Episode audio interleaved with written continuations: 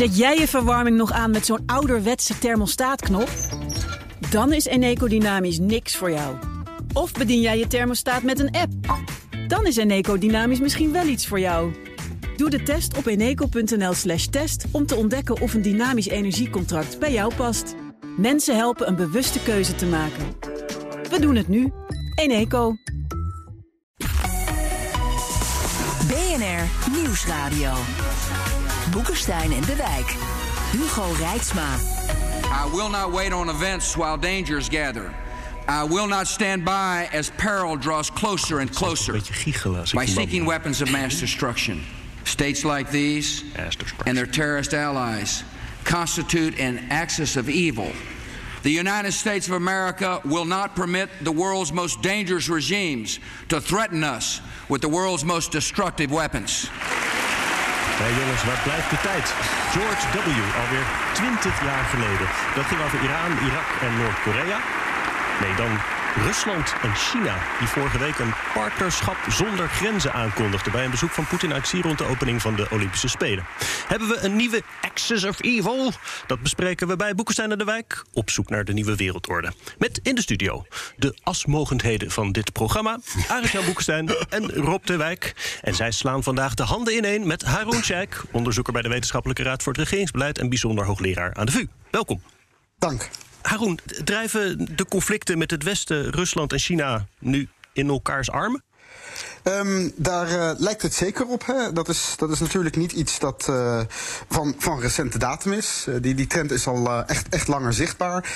Denk dat bijvoorbeeld hè, toen Xi Jinping aan de macht kwam... het eerste buitenlands bezoek dat hij deed in 2013 aan Vladimir Poetin was.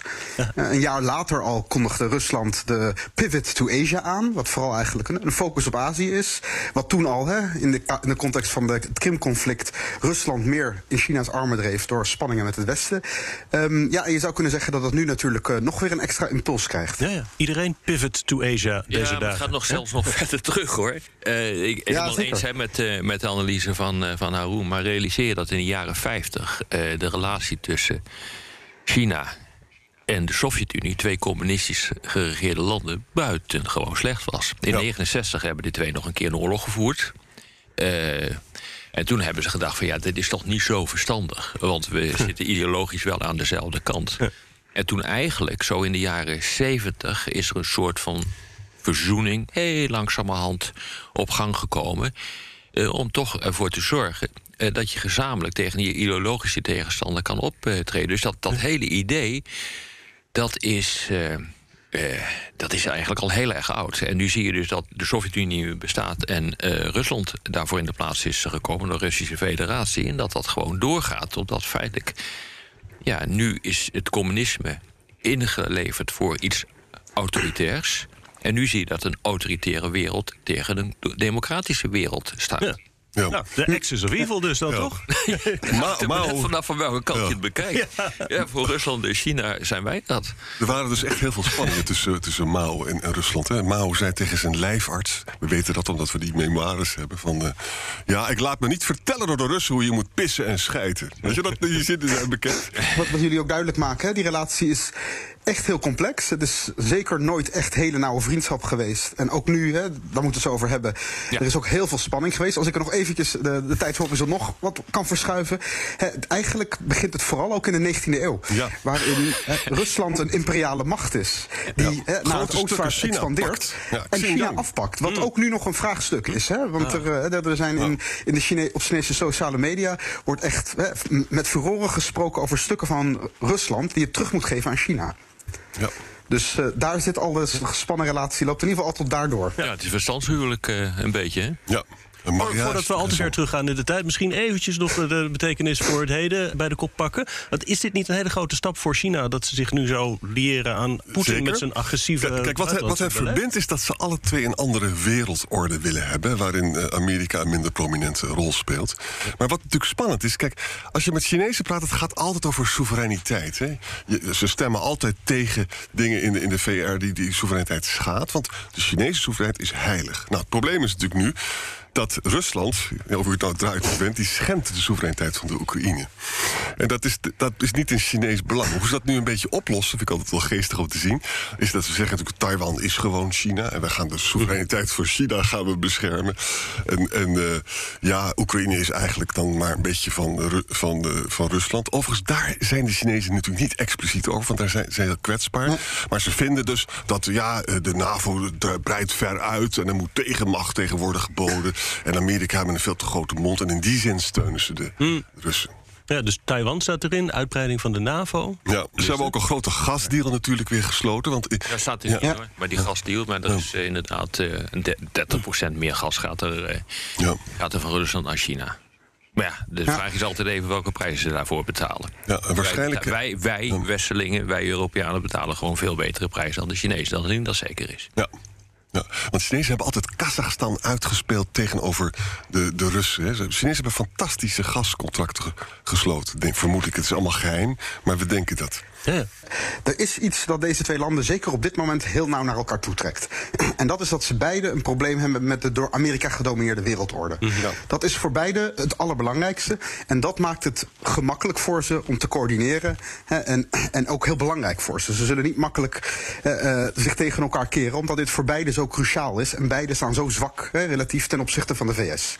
Tegelijkertijd, hè, en dat komt denk ik nu ook al naar boven, hebben ze allerlei onderlinge spanningen. Ehm, en een van die dingen is zeker de China's enorm economische kracht. Ja. Die zich al uit in heel veel invloed in Ruslands achtertuin. Wat het de Near Abroad noemt. En dat is zeker in Centraal-Azië zo. Dat beschouwt Rusland eigenlijk als haar eh, invloedssfeer. Economisch gezien, via gaslijnen, Ja. via handelsbetrekkingen, is dat eigenlijk al heel dicht naar China toegetrokken. Maar dat gaat ook door dan Oekraïne. Daar is China ook actief op een manier die Rusland niet Ja. zint. Ja. En Mongolië en Siberië ook. Hè. Dus er zijn steeds meer Chinese eh, investeringen. Nou ja, dat leidt natuurlijk tot een niet onbelangrijke vraag. Wat is het nu eigenlijk voor iets, die samenwerking? Hè? Want ik lees al in de kranten, dit is een nieuw bondgenootschap. Dat is denk ik gewoon lulkoek. Dit is geen bondgenootschap. Nee. Eh, dit is iets anders. Nee, Ja, het is dus echt een verstandshuwelijk wat dus wel een, een stevig fundament heeft, omdat voor beide het zo belangrijk is om tegen de Amerika te coördineren. Maar, hè, en dat is denk ik wat, wat het verhaal net over de Koude Oorlog ook heel duidelijk laat zien. deze twee landen zijn twee, twee grootmachten in elkaars buurt, hebben ontzettend veel spanningen rondom invloedssferen. Ehm, in de jaren 50, hè, het begin daarvan konden ze het goed met elkaar vinden, omdat de Sovjet-Unie sterk was en China zwak. Het, was de, het had de Sovjet-Unie nodig. Toen beide sterker waren, groeiden de spanningen. Eigenlijk hebben we nu iets vergelijkbaars. En Rusland komt uit de puinhoop van de jaren 90. Het is zichzelf aan het opbouwen. China is nu de sterke grote partner. En in die relatie is het zeker voor Rusland ook heel belangrijk om die aansluiting te vinden.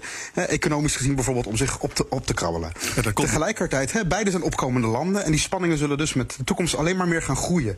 Dus ik denk eigenlijk dat we nu een beetje op het de, de, de toppunt zitten van hoe ze met elkaar kunnen coördineren. En dat de spanningen eigenlijk al meer zichtbaar zullen worden. En er speelt ook een ideologisch punt. Hè. China heeft geen vrienden. Dat komt ook omdat ze zichzelf als de superieure cultuur in de wereld eh, vinden. En ze hebben dus tijdelijke samenwerking met Rusland. Hè. Eh, Ze houden niet echt van bondgenootschap. Ze houden niet De- Een geïnstitutionaliseerde bondgenootschap. Hoewel er de afgelopen jaren wel enige eh, verandering is eh, gekomen. Ze leggen wat meer nadruk op de Shanghai Cooperation Organization... Voor, eh, bijvoorbeeld, eh, die ze samen met, eh, met eh, Rusland runnen. ja. Eh, ze zoeken wat meer aansluiting bij de ASEAN. Maar echte geformaliseerde bondgenoten, eh, bondgenootschappen, daar, daar houden ze niet van. Dus je mag dit ook geen bondgenootschap noemen tussen Rusland en, eh, en China. Als je er goed naar kijkt, dan moet je constateren dat dit eigenlijk een, een soort non-agressiepact is. Ja. Ik bedoel, het zijn allemaal weer van die termen. Joh.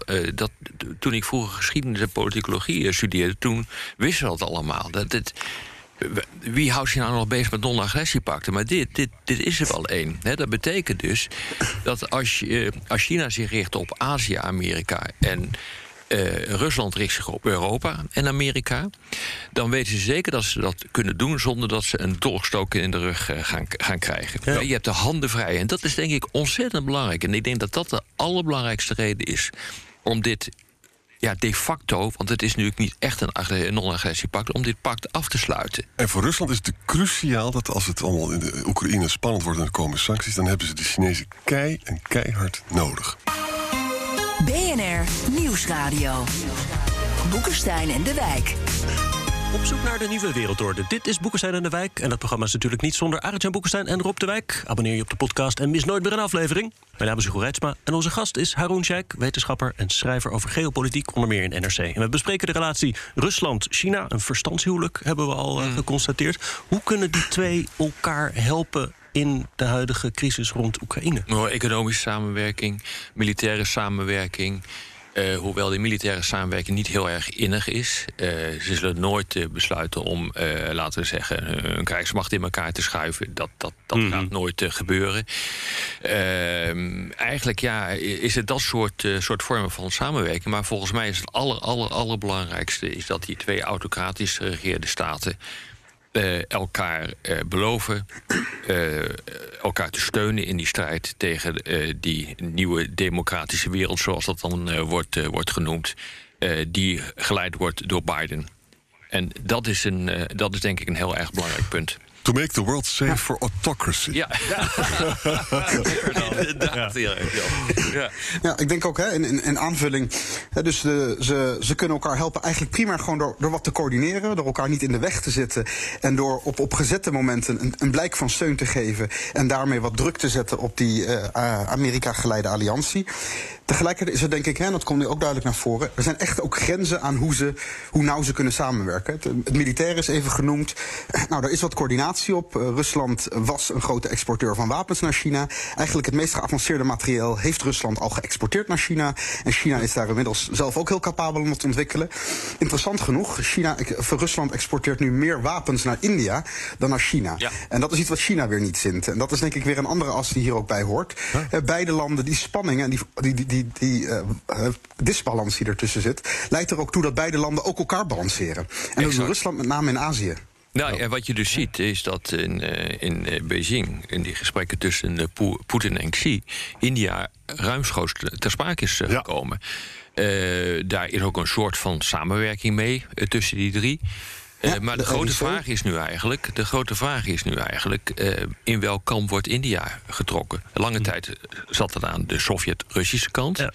Uh, ze hebben India heeft ruzie met China. Ze vergeet niet dat oorlog vlak na de uitbraak van, van, van de COVID-crisis er een oorlogje is gevoerd ja. tussen China en India. Ik bedoel, dat heeft niet echt het nieuws hier gehaald, omdat het overstemd is geweest uh, door, die, door die pandemie. Dus dat, dat, dat, dat loopt niet echt lekker. En de grote vraag is nu: waar sluit India zich bij aan? Ja. Bij het westerse blok, het democratische blok, of bij dit autocratische blok. En, en wat een heel belangrijke rol daarbij speelt, is China steunt dus Pakistan. Heeft daar dus ook een haven gebouwd ja. en zo. Ja. Uh, India-Pakistan is, zoals jullie weten, buitengewoon uh, conflictueus. Hè? En India gaat niet zomaar met China samenwerken. Dat is echt een vijand. Hè? Ja, dus dat zeker wordt, niet. Dat, wordt, dat is een echte, ja. wordt echt een klus. Het zijn landen ook met een hele diepe rivaliteit met elkaar. Zeker hè, China's investeringen in Pakistan. Die zijn trouwens vier keer zo groot als China's investeringen in Rusland. Even om, om, het, om, om de schaal te laten zien. Mm. China is heel nauw met Pakistan. Het is het enige land dat, dat een deel van de Belt and Road alleen maar op, e op het eigen land gericht heeft. Ja. Er is gewoon één as. um, dus dat is een doorn in het oog van India. Plus allerlei andere. Hè. Er zijn economische problemen. In de, de Indiase regering heeft allerlei Chinese apps verboden. Over, door beïnvloeding die eruit kan komen. Dus dat is echt een moeilijke relatie. En ik denk wat je ziet is dat India probeert. Hè, het is een groot land. Het probeert gewoon autonoom te blijven. Het wil in niemands kamp echt zitten. Maar die groeiende macht van China drijft het daar wel verder vandaan. Dat betekent, het is niet voor niets ook dat Amerika uh, de laatste tijd meer inzet op wat uh, de Quad heet. Een verband tussen Amerika, Japan, Australië en India. Ja. Dus de, op die manier probeert het te balanceren. Maar het, het interessante en het spannende is dus ook... Rusland coördineert ook meer met India. Juist als een manier om een beetje die Chinese invloed in Rusland ook een beetje te balanceren. En dat doet Rusland in India, maar dat doet het trouwens ook in Japan en in Vietnam. Ja. ja, nou ja, we zijn echt terug naar, naar de 19e eeuw, toch? Het is echt 19e eeuw. Dus Balance of Power. The Great Game of zoiets, uh, hoe heet ja, het? Dit is gewoon natuurlijk uh, machtspolitiek ja. uh, optima forma, jongens. Dit is gewoon iets wat, wat we zo lang niet ge gezien hebben. We, het, het, het leefde natuurlijk wel achter de schermen. Maar het, het wordt nu zo zichtbaar dat dit... ja, ik vind het wel interessant en tegelijkertijd vind ik het ook redelijk verontrustend dat dit gebeurt. Want ik, ik hou niet van zo'n wereld met een continue strijd. Haroon, ik wil je graag een vraag stellen. Uh, Rob die, die uh, zei in een van de laatste podcasts iets heel interessants. Hij zei van, uh, als we over sancties gaan praten met Rusland... dan moet je gaan kijken naar die hele snelle chips. De sne hele snelle halfgeleiders. Die kan je krijgen in Amerika, die kan je krijgen in Taiwan. Korea. China, China kan, Zuid-Korea, China kan ze niet maken. Rusland kan ze ook niet maken. Kennelijk is het dus zo dat Rusland dat toch nu kan kopen in Amerika. Nou, als dat misgaat, hè, uh, is dat dan, dan, dan moeten ze ze eigenlijk in China gaan kopen. Maar China heeft die snelle chips niet. En dan komt dus Taiwan dichterbij. Hoe zie je die relatie? Ja, kijk, eh, de chipindustrie is ontzettend complex. Je hebt inderdaad hè, meer basale chips, waar China al best hè, geavanceerd is. Bedrijven als Huawei eh, doen daar trouwens ook uh, flink wat al in. Ja, maar niet de top, Shanghai Manufacturing Corporation. Top, dan heb je dus de complexere. En daar heb je dan, waar bedrijven als Intel nog steeds redelijk dominant zijn. Nvidia is een Amerikaans bedrijf dat heel sterk is. ARM. Ja. er zijn een paar hele grote. En heb je in Taiwan heb je TSMC. Wat een heel groot deel van, het geavanceerde deel, echt daar top in is. Het, het, stuk wat TSMC maakt, dat kan doet eigenlijk niemand. He, dat is zo relevant ook, dat zelfs een Amerikaanse defensiespecialist heeft gezegd... we zijn 110 mijl verwijderd van een vijf jaar voorsprong op, op China... naar een vijf jaar achterstand. Waarmee hij bedoelt, en dat is als de China afstand, de straat, de straat van, van Taiwan, Taiwan, uh, de Taiwan oversteekt... Ja. dan is die voorsprong die wij hebben, zijn we kwijt. Dat is een van de assen die ook in, he, rondom, rondom Taiwan speelt. Dus he, die, die chips die zijn zeker belangrijk... en daar heeft Amerika ook echt een pressiemiddel mee. Niet voor niets dat Trump ook daar vooral voor koos... Dat, daar weet hij dat hij pijn mee kan doen. Mm. Daar heeft Amerika een sterke rol in. En, en, en Taiwan ook op een bepaald segment. Dus dat is wel een van de assen. Ik denk een andere, die nu trouwens ook op tafel ligt die misschien nog wel pijnlijker voor Rusland is, is het SWIFT-bankensysteem. Ja. Dat weet ik niet hoor. Of dat echt zoveel pijnlijker is. Ik denk eerder gezegd dat. Ja, dat, dat zou ik wel zeggen. Dat, is, uh, dat, dat heeft uh, Iran natuurlijk toen echt hè, het probleem opgeleverd. Het is het ja. communicatiesysteem van de, van, van de banken Klopt. onderling.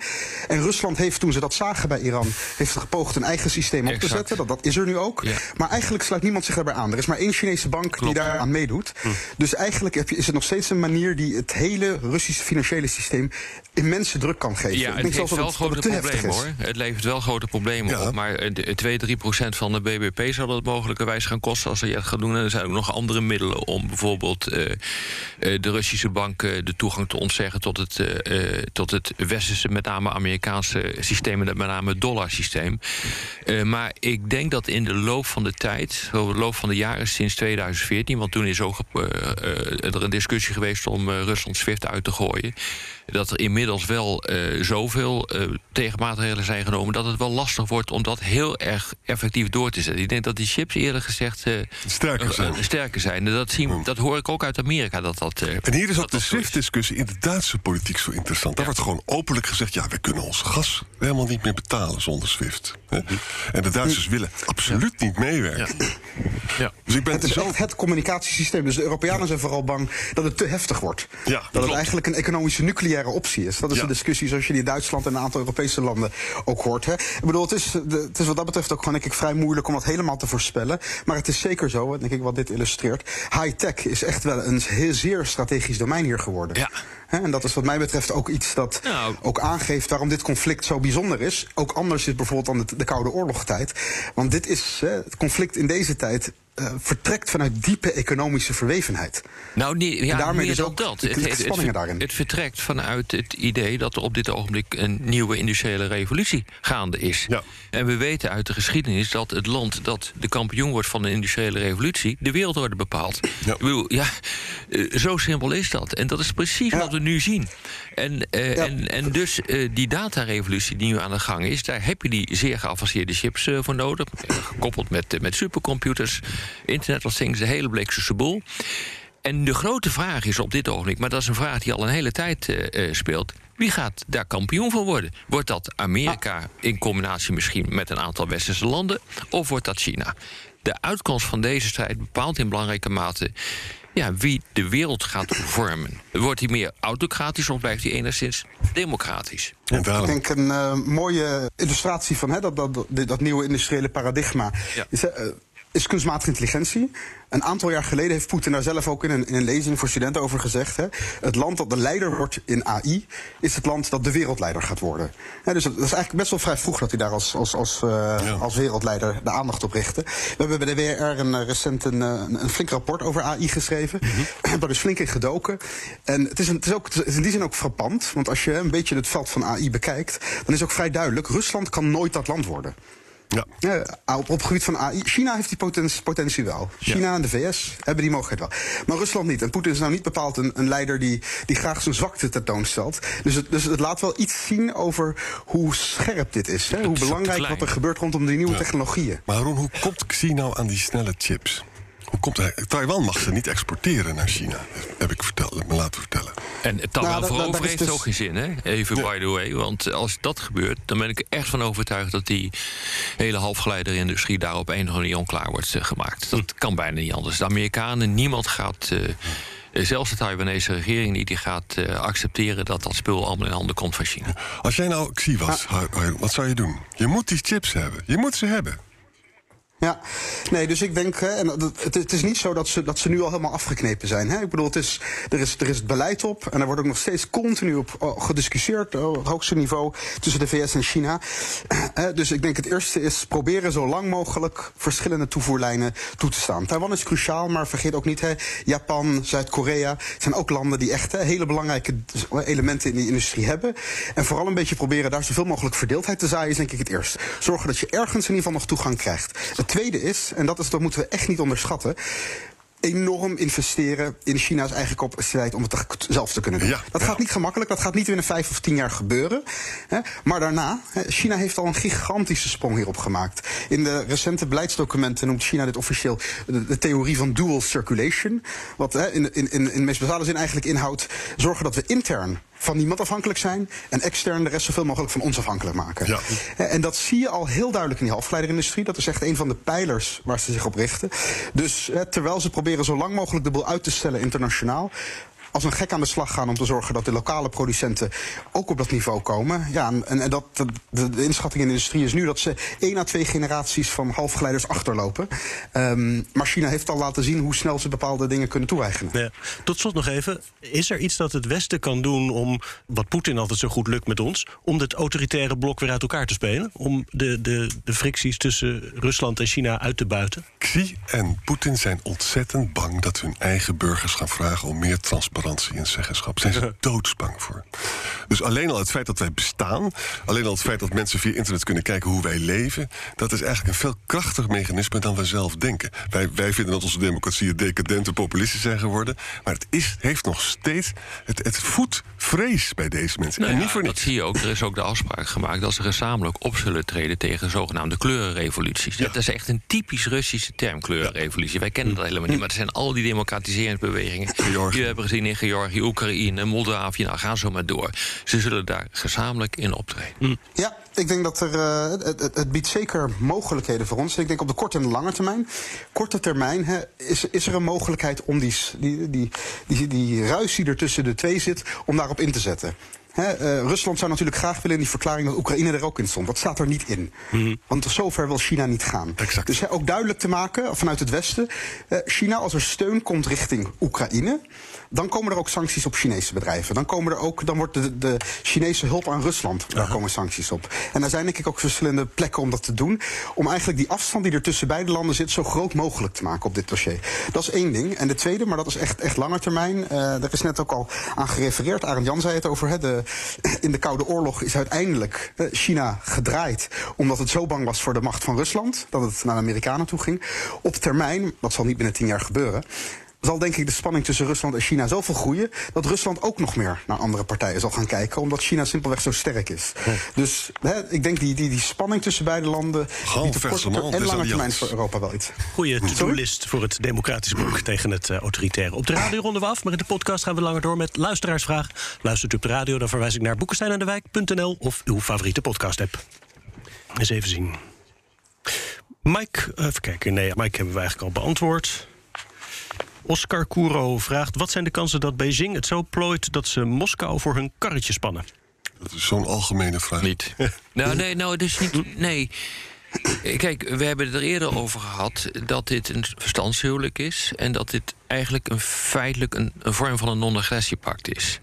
Dus dat betekent uh, dat je elkaar je gang laat gaan. Ja. Uh, dus uh, als je probeert om de andere partijen onder druk te zetten en die voor je kar te, te gaan spannen, dan valt zo'n non-agressiepact uit elkaar. Dus dat is wat je niet gaat doen. Dat is zeer onverstandig om dat te, te doen. Dit is nou juist een methode voor beide landen om hun handen vrij te hebben. Exact. En ze hoeven zich dan niet uh, druk te maken over een, een machtige buur die mogelijkerwijs uh, hun wel eens een keer onderuit zou kunnen halen. En China heeft een veel sterkere positie dan Rusland. Veel sterker.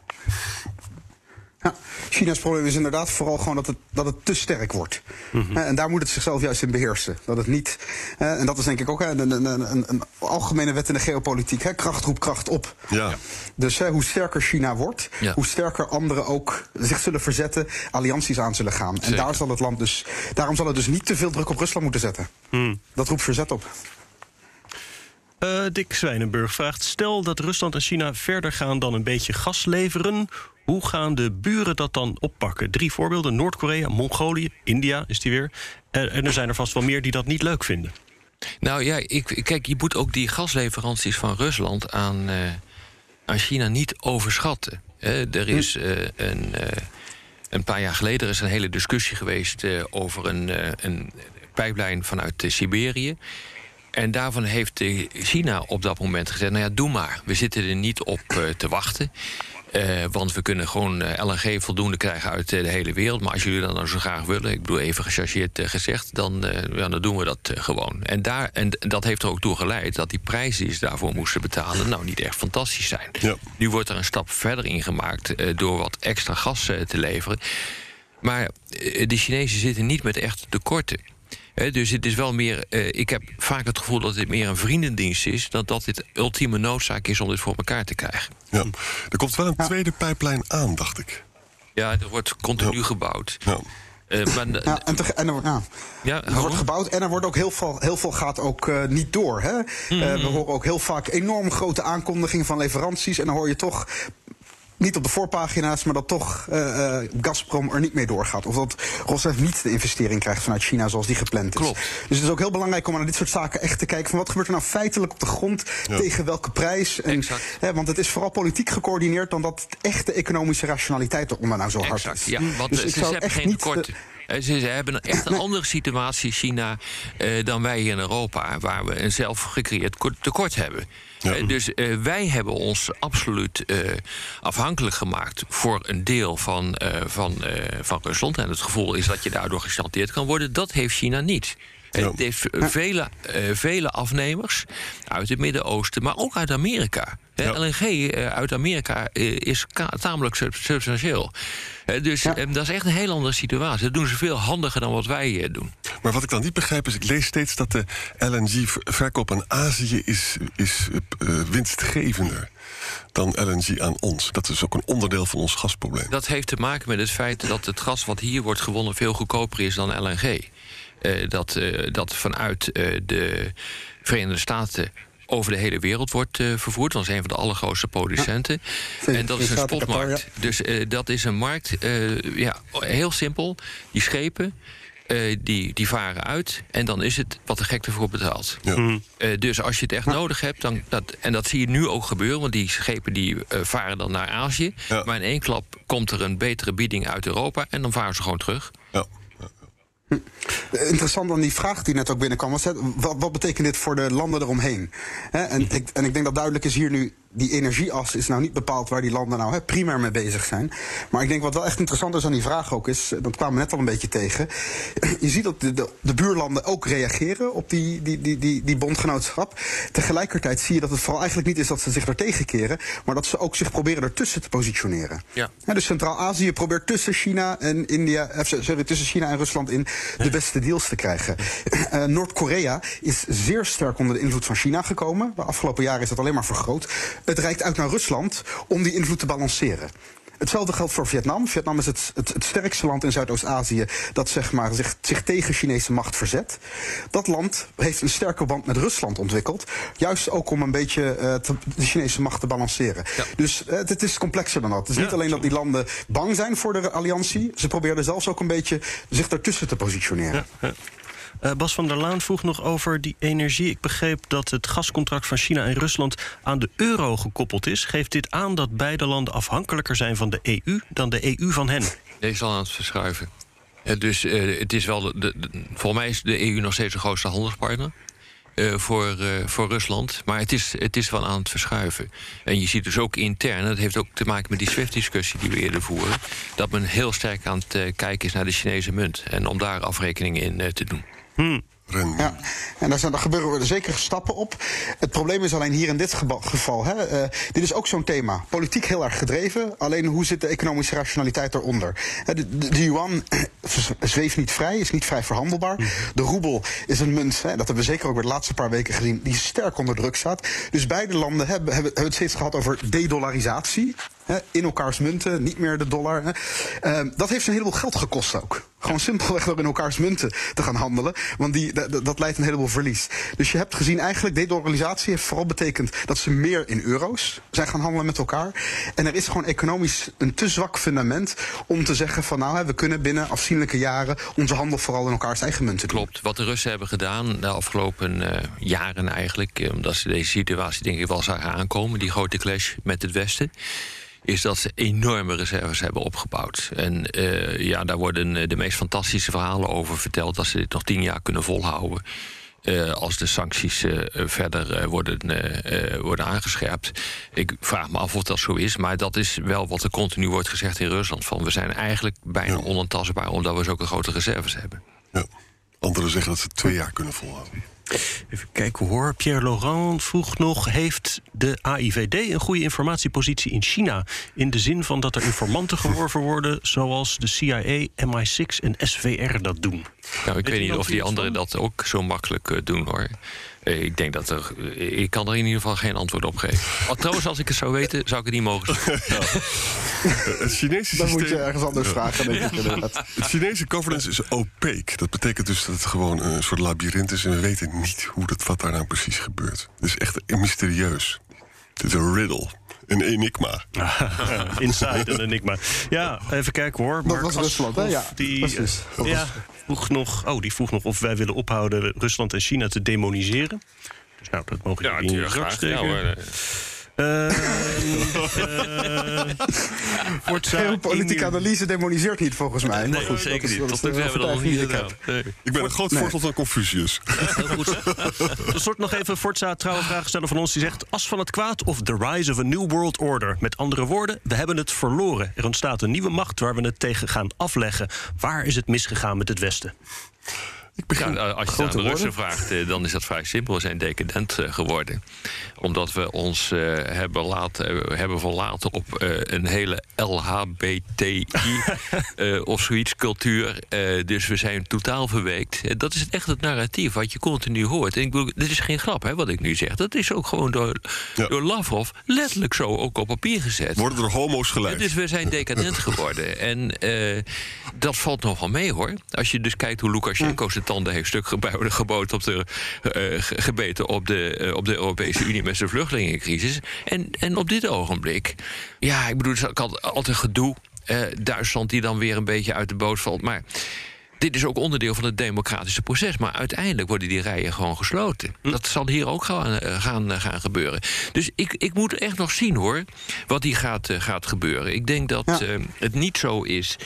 Eh, dat eh, eh, China nooit nummer één zal worden. Dat worden ze wel. Hè. Dus door die hele technologische oorlogsvoering die er nu is, wordt dat naar achter geschoven. Ik heb die laatste cijfers gezien.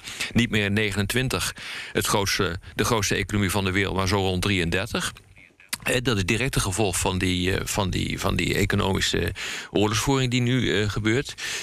Maar uiteindelijk worden ze dat wel. En uiteindelijk zal een land dat zo groot is ook een enorme impact hebben op de, eh, op de wereld. Dat kan niet anders. Dus die, die wereldorde wordt wel veranderd. Maar dat wil nog niet zeggen dat als Europa, Amerika. Eh, India, eh, Australië, Zuid-Korea heel erg gaan samenwerken, dat het een verloren zaak is. Dat is gewoon niet zo. En ze hebben extern het probleem. Ik vind die wolf warrior diplomacy van de Chinezen is eigenlijk helemaal niet zo succesvol. Hè? En ook de PR van de Chinezen. Als je de Nederlandse journalist gewoon wegplukt terwijl die op het Nederlandse journaal staat. Het ziet er niet zo professioneel uit allemaal. Hè? En iedereen die het woord. Taiwan in de mond neemt, die wordt dan dus. die- wat er nou in Litouwen weer gebeurd is. En intern, jongens, is het sociale contract in China, voor zover het bestaat, is het is zo fragiel. Hè? Er kunnen natuurlijk ook mensen gaan zeggen: ja, ik, ik zou toch wel iets, iets minder corrupts willen. Hè? Haroon, tot slot. Ja, nee, ik, eh, ik sluit me er wel bij aan. Ik denk dus dat het niet zo ver is dat, we de, dat de zaak al verloren is. Ik denk dat het gesprek ook duidelijk maakt van hè, er, is, eh, er, zit, er zitten veel spanningen ook tussen China en Rusland. Ik denk sowieso, hè, een axis of evil, dat was. Dat was eh, toen een verkeerd woord en dat is het nu ook. Eh, het, eh, het is dus een, een, een woord dat eh, de Axis verwijst naar de Tweede Wereldoorlog, de Evil Empire verwijst naar de Koude Oorlog. En beide situaties zitten we nu niet. Ehm, en het is dus ook niet zonder meer hè, een, een hecht pact. Dat is één. Dat komt er denk ik heel duidelijk uit dit gesprek. En twee is dus, eh, dat, dat hebben denk ik Rob en Arjan het goed ook gezegd. Er is wat dat betreft ook nog veel voor het Westen, Amerika, Europa, om op te reageren. Hè? En zeker ook in termen van bondgenootschappen. Het wordt wat mij betreft heel belangrijk wat een land als India gaat doen. En hè, wat ik net noemde, als, hoe machtiger China wordt, hoe meer tegenkracht het oproept. En wat dat betreft heeft China een moeilijkere positie... met veel sterke landen eromheen die het, eh, die het vrezen...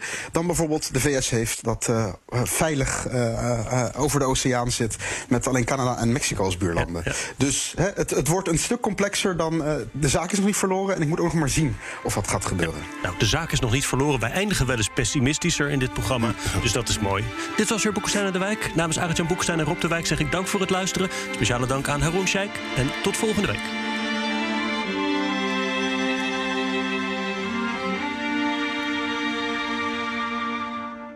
Je hebt aardig wat vermogen opgebouwd. En daar zit je dan, met je ton op de bank. Wel een beetje saai, hè? Wil jij, als belegger, onderdeel zijn van het verleden of van de toekomst? Bridgefund is een slimme fintech die een brug slaat tussen de financiële behoeften van ondernemers en van beleggers. Dus wie belegt bij Bridgefund krijgt niet alleen een mooie vaste rente, maar brengt ook ondernemers in beweging. Echt waar, met die ton kan je zoveel betere dingen doen. Bridgefund. Make money smile.